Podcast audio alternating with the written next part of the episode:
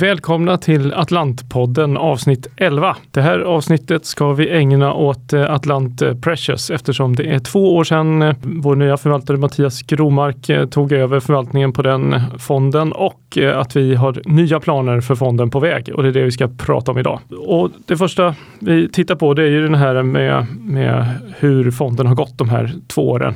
Så Mattias, du får berätta hur det har gått. Det har gått hyggligt bra. Vi tog, eh, jag tog över fonden där eh, första juni 2019 och så nu i veckan så är det ju två år sedan. Fonden är upp drygt eh, 50 procent lite beroende på andelsklass. Så att jämför med, vi med ädelmetallskategorin på Morningstar så har fonden presterat bättre och jämför vi med flagshipfonden som många brukar allokera till i den här sektorn, Blackrock World Gold, så har fonden även gått bättre än den på två år. Så det känns bra. Ett annat syfte med fonden har ju varit att vara en liten hedge mot aktiemarknaden. Och så jämför vi med hur fonden har gått mot Stockholmsbörsen så har korrelationen varit tämligen negativ. När Stockholmsbörsen har gått starkt så har fonden gått lite svagare medan när börsen har vänt ner så har fonden gått starkare. Så det har varit eh, en negativ korrelation på 0,65 ungefär tror jag i alla fall. Då kan man undra hur gick det när börsen säckade ihop totalt för lite med ett år sedan? Ja, då gick den ju också ner när allting likviderades. Men fonden gick ner hälften så mycket som, som Stockholmsbörsen och återhämtade sig betydligt fortare. Så där fungerade skyddet ganska väl. Men eh, som ni vet så har fonden haft fokus på ädelmetaller. Varit främst guld som har varit i fokus, men även då andra ädelmetaller, silver, platina, palladium och så vidare. Och, eh, nu när börsen har gått så starkt sista året här så har fonden gått lite mer sidledes från toppen i augusti. Men nu har det tagit fart igen de sista månaderna på den ökande inflationsoron vi har sett i marknaden. Ja, så att, eh, vi har haft eh, fina två år här. Men eh, vad är det som har presterat bäst i portföljen om du bara ska nämna ett par exempel? Tittar vi från början två år tillbaka så var det ju först guldrelaterat som gick. Guld blev ju ropet där ett tag eh, i takt med att stimulanserna tog fart. Och det var det som drog först och sen eh, när vi kom in i förra sommaren här för drygt ett år sedan så var det silver som tog fart. Silver hade ju laggat länge. Så då var det silverrelaterat som tog fart. Sen har vi även haft lite olika ryck. I, vi har sett palladium dra periodvis här, så nu senast under våren. Innan dess så drog platina ganska mycket och det är på bristsituationer. Framförallt gäller palladium. Det har varit brist av och till på grund av att det är väldigt få producenter. Sen har vi ju sett eh, basmetaller att komma mer i ropet här på senare tid. Så att eh, vi kan ta ett exempel här sista året vad som har gått bäst. Det var till exempel ett eh, bolag som heter Hekla Mining som är en av USAs äldsta silverbolag. Det är upp cirka 100% sista året här, så det är ett av de bästa picken på ett år. Ja, men då kom vi osökt över på de förändringar som håller på att ske i fonden. Vi har gått igenom hur det har gått de här två åren när vi haft eh, ädelmetaller i fonden. Eh, men nu eh, så tittar vi på att stöpa om den här. Det blir ett nytt mandat och ett nytt namn. Och varför gör vi den här förändringen och varför just nu? Som alla vet så är det ju ett stort fokus på här Net Zero 2050. Att vi måste gå från eh, ett samhälle som eh, förbränner olja, kol och naturgas till att eh, istället eh, endast använda förnyelsebara energikällor för att nå eh, klimatmålen som, eh, som sattes i Paris ursprungligen. Här. Så att vi har ju valt att skifta fokus då och Eh, helt enkelt ställa om till att fokusera på det som behövs för att bygga förnyelsebara energikällor och bygga energilagring och liknande. Så att eh, fonden kommer då börja fokusera på det vi kallar för gröna metaller. Och då tittar vi på hela cykeln från eh, prospektering till eh, framställning, brytning och så vidare ända bort till eh, recycling. Så vi ska vara med och investera i hela kedjan och eh, vi kommer lägga fokus på Nordamerika och Europa där de här leverantörsleden nu ska byggas upp från grunden. För att det är i huvudsak Asien och Kina som har stått, varit leverantörer för det här. Så det finns otroligt mycket som ska göras och det är enorma investeringar som kommer göras närmaste åren. Och det här kommer att vara ett tillväxtcase som eh, kommer att finnas med oss under otroligt lång tid kan bara ta ett exempel på IAEA, eh, internationella energiorganet, har gjort väldigt mycket research på senaste tiden och dragit upp eh, riktlinjer för hur det här ska kunna gå till. Och till exempel eh, så säger man att eh, för att bygga det här så kommer efterfrågan på de här gröna metallerna att växa med fyra gånger fram till 2040. Så att eh, det finns otroligt mycket tillväxt där ute som väntar på att exploateras. Så att det, det, blir en liten inriktning i, i, fonden, det blir lite nya metaller eh, vi tar med här. Det som har eh, varit, stuckit ut för fonden eh, de, de sista året här har ju varit när man tittar på Avanza och, och, och övriga fondplattformar så har avgiften sett ganska hög ut eftersom det är både en, en, en fast avgift och en, en, en, eh, en eh, performance-relaterad avgift. Hur kommer det se ut framöver? Ja det stämmer. Vi har ju haft en rörlig avgift och när fonden har presterat bra mot sitt jämförelsetal eh, så har vi tagit ut rörligt och eh, det slog ju rätt mycket på performance förra året. Men nu gör vi så att eh, vi tar bort rörlig avgift och kör bara fast avgift och det blir 1,5 procent som är ganska standard för den här typen av fond. Vi ligger absolut inte högt om man jämför med andra fonder. Så att det kommer inte bli någon rörlig avgift efter förändringarna sker här och det kommer ju ske cirka i månadsskiftet juni-juli nya bestämmelserna träder i kraft. Mm. När vi talar om de här eh, stora tillväxttalen som kommer, eh, Net Zero 2050, väldigt stora ökningar i efterfrågan på, på sådana här metaller som vi talar om för den här fonden. Vad, vad rör det sig om för tillväxttal och hur snabbt kommer det här gå? Tittar vi återigen, det här som sagt hänvisar till IAEA som har räknat mycket på det här på sistone. Tittar vi fram till 2030 eh, så kommer ju efterfrågan på elbilar öka någonstans 18 gånger från idag. Tittar vi på sol och vindkraft så är det en ökning med fyra gånger för samma period. Eh, jag rekommenderar för den som är intresserad att gå in på eh, eea.org och eh, plöj där. Det finns otroligt mycket material och research för den som är intresserad av vad som pågår i, här, i den här energiomställningen. Det är ett bra lästips. De har lagt ner otroligt mycket arbete, väldigt kvalificerad analys. Så när man tittar på, nu har vi som sagt var haft mest ädelmetaller och ädelmetallsbolag eh, i fonden. Vilka typer av innehav kommer finnas i fonden framöver och vad blir skillnaden mot idag? Det blir eh, Skillnaden blir att eh, vi, kom, vi har tittat på vad är det för metaller som kommer efterfrågas? Vad kommer efterfrågas mest och var kommer det uppstå brist, den största bristen? Och det vi har kommit fram till är att det är ett antal metaller då, och det är, som kommer vara i ropet och hamna i brist. Och det är ju metaller som koppar, kobolt, mangan, ett antal jordartsmetaller och Eh, ja, även nickel för den delen. Men sen kommer det även efterfrågas eh, silver, platina. Det är en stor metaller. Men vi kommer lägga fokus på där vi ser den största eh, bristen. Därför att det tar väldigt lång tid att få fram ny kapacitet och efterfrågan kommer förmodligen växa betydligt fortare än vad man hinner få fram. Så att det finns rätt stor sannolikhet att många priser på de här metallerna kommer fortsätta tryckas uppåt. Och där ska vi vara med och investera. Så vi kommer inte lämna ädelmetaller helt? Det kommer finnas med i, här och där. Ofta är det så om du utvinner koppar, ja då utvinner du även guld för det, det är samma utvinning. Så att det kommer finnas med. Och sen eh, som sagt silver används ju till exempel i solpaneler eh, så att det kommer också finnas med. Platina används i reningsteknik och det används även i bränslecellsteknik. Så att ädelmetallerna finns med lite här och där. Men ser man till volym, det som kommer efterfrågas mest, där är ju kopparn störst. Det blir den nya oljan kan man säga i den här energivågen vi ser framför oss.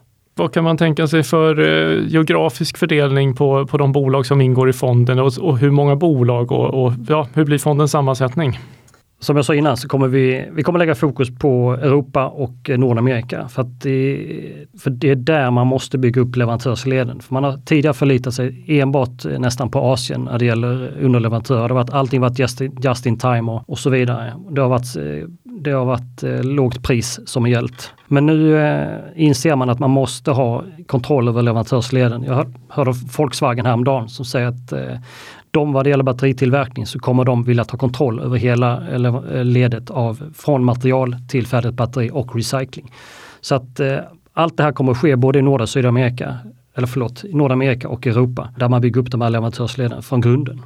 Så att man kommer inte förlita sig bara på Asien längre utan nu måste man göra mer inhouse och ha mer inom nära räckhåll. Och det handlar inte bara om att, att man ska ha kontroll utan det är också en strategisk fråga nu när det varit mycket mer spänningar mellan USA och eh, Kina till exempel. Så att då kan man inte förlita sig på att de här leverantörsleden fungerar i framtiden som man har tänkt sig. Det har vi sett med halvledarkrisen som vi är inne i just nu. Att det går inte att förlita sig i huvudsak på en leverantör på Taiwan till exempel. Det är en stor risk i sig. Plus att eh, ja, en leverantör kan inte biffa upp leveranserna när det väl efterfrågan tar fart. Så att eh, man måste sprida gaserna helt enkelt. Så det här ser vi att vi, att vi går mest på på de utvecklade marknaderna, Nordamerika och Europa. Det finns en politisk dimension i det också. Absolut, absolut. Och eh, får vi inte förglömma ESG-dimension. Eh, alla bolag vi ska investera i ska uppfylla de högst ställda krav på ESG som Europa sätter upp. Det är det som vi kommer ha som standard. Och, följa, och vi kommer även då följa såklart utgå från EUs nya taxonomi som träder i kraft här. Det blir rätt snöret. Så vi kommer inte jaga alla bolag utan det blir, de måste först passera vårt filter vad det gäller ESG för att vara aktuella. Ja, så att eh, det, här är en fond som eh, kommer att sikta mot eh, den globala energiomställningen helt enkelt, den stora globala eh, megatrenden. Vad, vad, bygger vi vår, våra, våra case på där så att säga? Är det hela den här megatrenden? Vad, vad, vad, vilka är det som underbygger den, ty, säger du? Ja, alltså det är ju att Eh, för det första, att bygga förnyelsebar eh, energi som sol, vind eh, och till exempel att bygga energilagring. Eller att bygga en elbil för den delen. Det, kräver så otroligt mycket mer metaller att bygga en elbil mot en konventionell bil. Det går till exempel åt fyra gånger mer koppar i en elbil jämfört med en vanlig bil. Så bara det att byta en vanlig diesel eller bensindriven bil mot en elbil innebär att det är fyrdubbling i kopparförbrukningen. Så att det, det är de talen vi talar om. Så att det, det, är inte bara det att folk måste byta till andra eh, Eh, framdrivningsslag utan det, det innebär att det blir mycket mer metaller som går åt, just de här metallerna. Så det är det som är den stora drivkraften. Plus att eh, sol, vind och liknande, det drar också otroligt mycket met mer metaller än om du jämför med kol och eh, oljeeldat eller naturgas. Det är helt andra eh, volymer som går åt när du ska framställa det här. Eh, så det är där vi siktar in oss. Och eh, det här kommer att hålla i sig. Eh, det, vi ser tillväxt. Vi pratar inte bara 2030, 2040 utan det fortsätter ända fram till 2050 utan problem.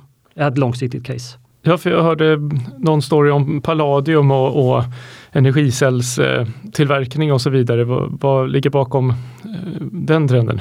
Ja men det är ju så att nu är mycket fokus på elbilar. Men det man glömmer lätt då det är att övriga transportsektorn, eh, till exempel vi tittar på tunga transporter som lastbilar, fartyg, flyg. Där är det ju inte el som kommer att vara huvudalternativet för att ersätta fossila bränslen. Utan då är det ju olika former av bränslecellsteknik som kommer komma. Och det ligger lite längre bort men det händer väldigt mycket. Det är många av de större eh, eh företagen som nu lägger mycket fokus på det, till exempel Volvo för att ta fram tekniker. Och där eh, till exempel går det åt då, till exempel palladium eller platina för den delen kan användas i de här, bränslecellstekniken. Och eh, där tänker vi vara med och investera i bolagen som förser dem med det här materialet.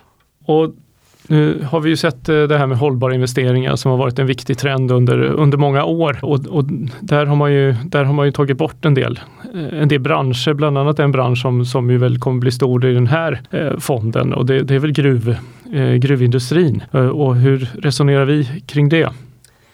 Vi måste ju välja bolagen som, eh, för det första som är bäst in class, som självklart eftersträvar att bedriva sin verksamhet på bästa sätt och följa det regelverk som finns och vilja vara ledande inom vad det gäller ESG-arbetet. Och det är ju ofta då miljön det handlar om. Eh, men sen självklart också kommer det krävas en eh, förändrad inställning vilket vi ser redan nu från EU till exempel, att man förstår att för att göra den här stora omställningen så måste man acceptera att vi bryter de här metallerna. Och det kan man inte bara överlåta till att det sker nere i Afrika till exempel, där man inte ser problemen. Utan det måste vi göra på vår egen bakgård och göra det på rätt sätt. Så att miljöpåverkan blir så begränsad som möjligt. Sen går det ju, det finns ju företag som gör det här på nytt sätt. Till exempel kan man utvinna koppar, bryta koppar idag utan att eh, gräva en underjordsgruva eller göra en, eh, ett öppet dagbrott. Utan du kan göra det med en teknik där du kör ner en eh, vattenkemikalielösning eh, under lågtryck om det är rätt förutsättningar och därmed utvinner, du får upp kopparn som en oxidering i, och därmed så slipper du göra en åverkan på miljön. När du är klar med den utvinningen och går vidare i området så kommer det återställas utan att vara ett spår efter den utvinning som har skett. Vi, vi eftersträvar att eh, välja bolag som försöker göra det här på nya sätt med nya tekniker och eh, det finns väldigt mycket att göra. Och som jag sa tidigare så kommer vi även fokusera på att investera i bolag som eh, hjälper till med återvinningsdelen av den här cykeln så småningom. Och där har vi till exempel ett bolag som heter American Battery Metals som eh, jobbar med något som kallas Heat Speed, High Speed Recovery för eh, återvinning av batterier. Eh, där har de återvinningsgrad på 90 så, men det kommer att ta tid innan det här växer fram. Men eh, det är många nya bolag som är på gång som är väldigt intressanta. Ja, har vi några fler eh, sådana case? Det här var, vad heter de här, High Speed Battery? High Speed Reverse Manufacturing var själva tekniken, men de heter American Battery Metals. Okay. Eh, vi kan ta upp ett intressant eh, kopparcase som vi faktiskt investerade i april som heter Western Copper and Gold som är en kanadensiskt bolag. De har en eh, kopparfyndighet som eh, kallas Casino som ligger i Yukon, Kanada. Det här är ett prospekteringsbolag som har eh, undersökt den här fyndigheten under en längre tid och nu så har de närmat sig möjlighet att utveckla det till produktion för det har varit så bra värden. Så att nu har man precis fått till ett avtal här sista veckan med Rio Tinto som har gått in som 8% ägare. Och det här har gjort att aktien har rusat sista månaden. Och sen vi köpte i slutet på april så är aktien upp 77% Så att det är en väldigt bra start för den investeringen som vi nu har i portföljen. Det här är en fyndighet som är en av de största potentiella kopparfyndigheterna i Nordamerika så att den, den kommer bli väsentlig. Beräknad livstid är någonstans 22 år. Så att eh, det ser oerhört intressant ut. Har vi några hur mycket ser vi att det finns kvar i den när den gått upp 77 procent sista, sista månaden? Ja, det, det, har ju gått fort såklart, men det här är ju en fyndighet som jag tror kommer ge fantastiska kassaflöden under sin livstid och eh, det är inte orimligt att tro att det här kommer köpas ut. Mm. Att någon av de större helt enkelt kommer att förvärva det så småningom. Ja, det är min gissning. Ja, för Rio Tinto är en av de större aktörerna ja, på marknaden och är de, är de med i leken så Absolut. kan det komma fler. Jajamän. Flera? Ja, vi kan nämna ett europeiskt projekt. Eh, vi vet ju att eh, alla bilmärken runt om i världen, de tävlar ju nu att eh, berätta hur man ska, mycket batterier man ska tillverka och bygga batterifabriker och liknande. Vi vet Tesla håller på att bygga precis utanför Berlin en batterifabrik. Eh, de har haft lite problem med tillstånd och annat, men det är på gång. De här fabrikerna de kräver insatsvaror och där har vi investerat i ett bolag som heter Eurometals eh, som är ett joint venture med, mellan tjeckiska staten och ett australiensiskt eh, gruvbolag. Där finns det en gammal tenngruva som man nu har kickat igång och undersökt eh, för att utvinna litium, litium och tenn. Och litium behövs ju för batteritillverkningen. Tenn är också en, det är ingen nackdel att få med det här på köpet också, för det är någonting som behövs också för elektronik. Så det här är ett väldigt intressant projekt som eh, börjar närma sig eh, produktionsstart. Det är något år bort och i nuläget så håller man på att förhandla fram eh, avtal med eh, köparna av de här metallerna. Det är inte bara Tesla som finns i närområdet, det är två timmar bort till Teslas batterifabrik. Vi har även Volkswagen i färd med att bygga en fabrik i närheten också, ett par timmar bort. Så det finns eh, många positiva aspekter med att eh, få igång verksamheten så nära. Det, det är bra ur miljöhänseende. Plus att det här redan är en befintlig fyndighet så att ur miljöperspektiv så är det väldigt bra att återanvända så att säga det som finns på plats. Plus att det blir korta transporter, vilket är väldigt positivt. Det finns sådana här projekt eh, som ligger och eh, jäser på många ställen runt om i Europa och i Skandinavien bland annat som där man ser att det tar fart på gamla projekt som eh, kanske sitter på de metallerna som man behöver. Så att det är mycket på gång. Tyvärr får man väl säga för det gäller Sverige att vi är ju väldigt långsamma på att ge tillstånd till nya eh, fyndigheter. Vi ser ju hellre att det bryts någon annanstans än hos oss. Vi använder gärna metallerna eller varorna som tillverkas men om det smutsar ner eller riskerar att smutsa ner så vill vi helst att det görs någon annanstans. Ja, men det är intressant. Alla talar om de här nya batterifabrikerna och så vidare. Man har inte talat riktigt lika mycket om insatsvarorna som, som ska till här. Och, och, det är där man kan hitta mycket intressant data. Bland annat i den här IEA.org eh, som du hänvisade till tidigare. Vi vill också flagga för en, en, en, annan podcast eh, som, som vi brukar lyssna på som heter Macro Voices. Och det är en, en eh, amerikansk eh, hedgefondsförvaltare som heter Eric Townsend som, som eh, eh, brukar ta in olika gäster och diskutera makrotrender och så vidare. Och, och det senaste avsnittet från 27 maj, nummer 273, så har han med en, en herre som heter Larry McDonald som talar mycket eh, om de här temana. Och vi tänker att eh, i nästa nyhetsbrev till, eh, till eh, Atlant Pressure som man kan hitta på, på Atlantfonders hemsida så, så kommer vi lägga med de här länkarna också så att man kan fördjupa sig. Du kan slänga med EA där också tror jag. Ja, till precis. lite rapporter. Det tror jag är bra.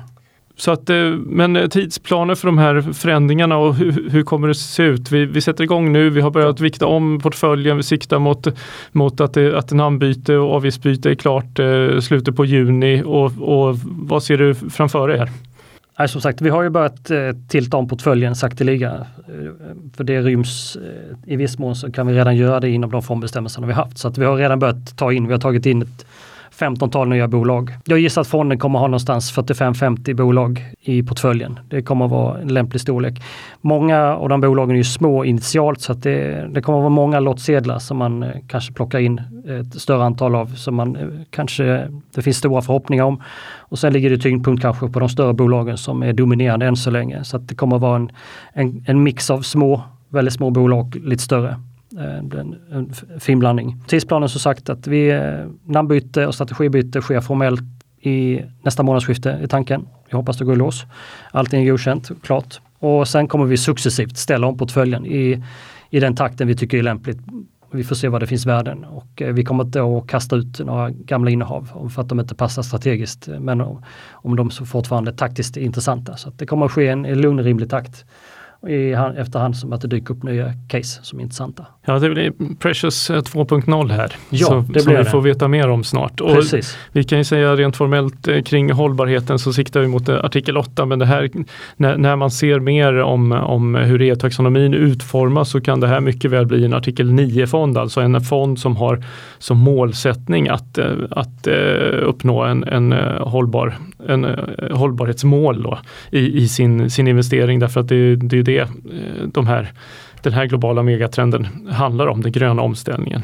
Eh, till skillnad från artikel 8 som vi, som vi börjar med och som de flesta har börjat med för att säga att här främjar man eh, hållbara investeringar och där ska vi, där ska vi eh, redovisa givetvis de, de eh, mät, mätpunkter som är relevanta för det här koldioxidpåverkan och, och så vidare. Så att eh, det, det kommer följa de formella kraven på, på hållbarhet också.